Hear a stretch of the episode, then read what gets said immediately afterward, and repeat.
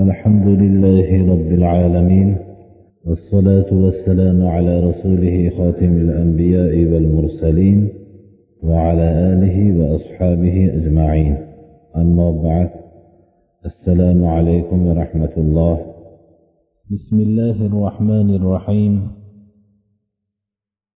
وعن عائشة رضي الله عنها قالت واعد رسول الله صلى الله عليه وسلم جبريل عليه السلام في ساعة أن يأتيه.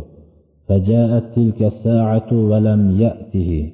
قالت وكان بيده عصا فطرحها من يده وهو يقول ما يخلف الله وعده ولا رسله. ثم التفت فإذا جرو كلب تحت سريره. فقال متى دخل هذا الكلب؟ فقلت والله ما دريت به. فأمر به فأخرج.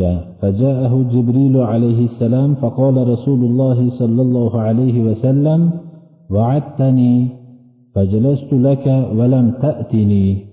فقال منعني الكلب الذي كان في بيتك إنا لا ندخل بيتا فيه كلب ولا سورة. Bu hadis sharifdan biz o'zimizni hayotimizdagi ko'p rahmatlardan mahrum bo'lishligimizni sirlarini ham tushunib olsak kerak deb bilaman. Oysha roziyallohu anhodan rivoyat qilinadiki rasululloh sollallohu alayhi vasallamga jibril alayhissalom bir soatda kelishlikni va'da qildilar. Shu soat bo'ldiyu kelmadilar. Oysha roziyallohu anho onamiz aytadilarki qo'llarida bir aso bor edi. Shuni qo'llaridan uloqtirib tashlab yubordilarki va shu so'zni aytdilar olloh va'dasiga xilof qilmaydi. Ollohning payg'ambarlari ham xilof qilmaydi ya'ni elchilari deb jibril alayhissalom ollohni elchisi edi u kishi.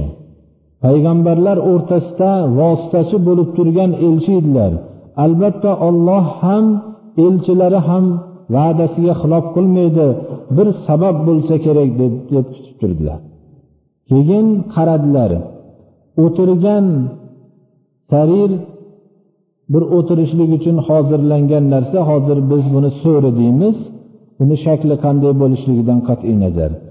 Shunday o'tiradigan so'riga o'xshash narsani ostida bir itni bolasini ko'rdilar. Aytdilarki bu it qachon kirgan dedilar. Oysha onamiz aytadilarki men buni bilganim yo'q dedim dedi. Buyurildi payg'ambarimiz sollallohu alayhi vasallam tarafidan bu itni olib chiqarib yuborildi. Shundan keyin jibril alayhissalom keldilar. Kelib rasululloh sollallohu alayhi vasallam jibril alayhissalomga aytdilarki menga va'da qildingiz men sizni kutib turdim. Aytilgan soatda kelmadingiz deb jibril alayhissalomga savol qilganlarida meni sizni uyingizga kirgan it kirishlikdan to'sib qo'ydi dedi. Biz maloikalar dedilar rahmat farishtalari uyda it bo'lsa va jonlik narsalarning surati bo'lgan joyga kirmaymiz dedi. Biz birodarlar alloh subhanahu va taoloning tarafidan bo'lgan rahmatni kechasiyu kunduzi duo qilib rahmatga sabab bo'ladigan narsalarni biz qilmoqligimiz kerak.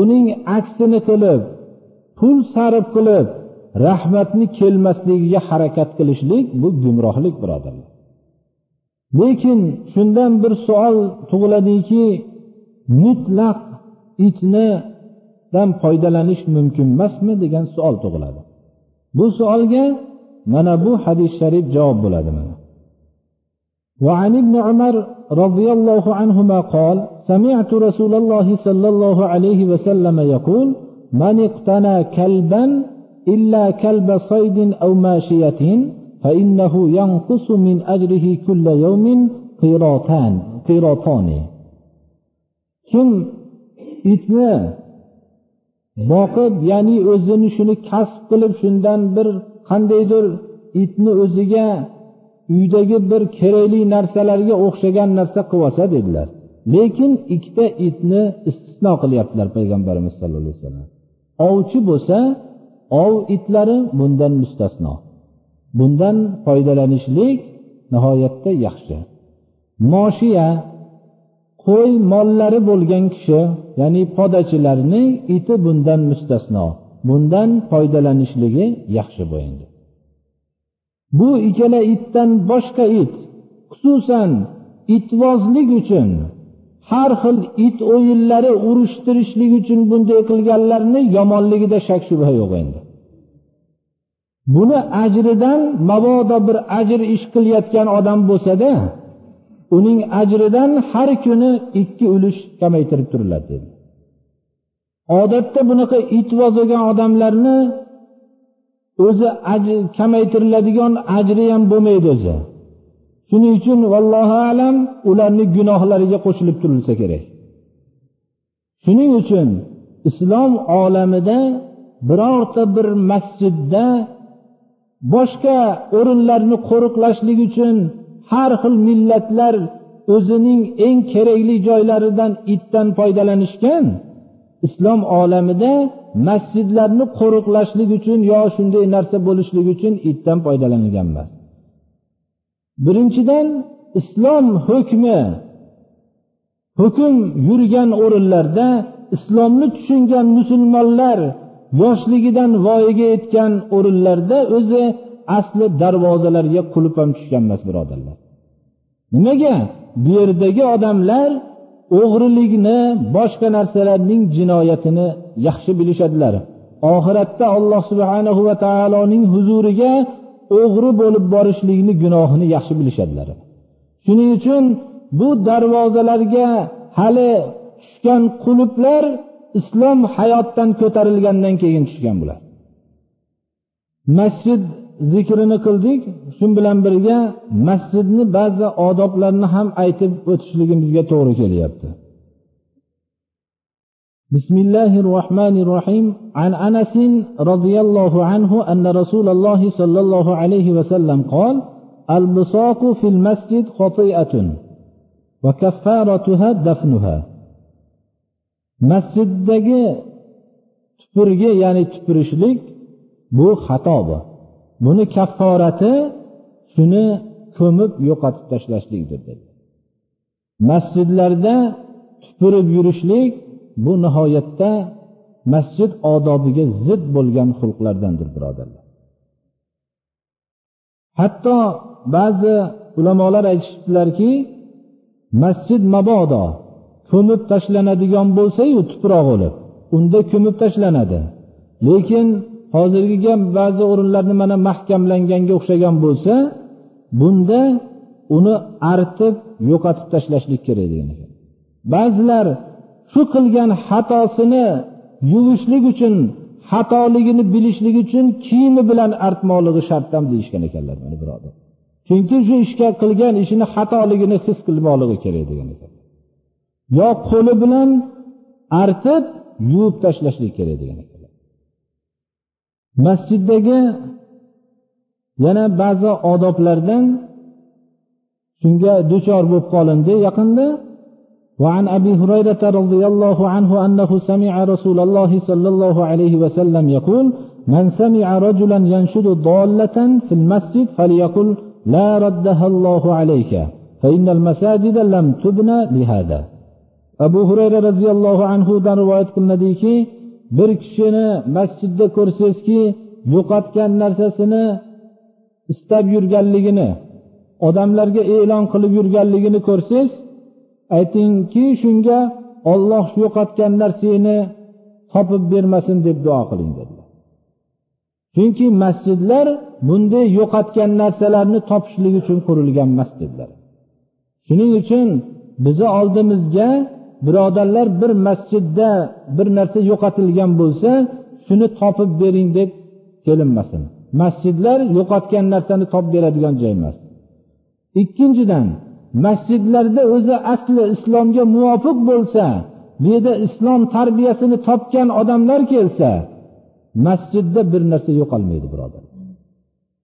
Qachonki bu yerga dinni tarbiyasida yo'q odamlar kelgandan keyin bir narsa yo'qolishlik boshlanadi.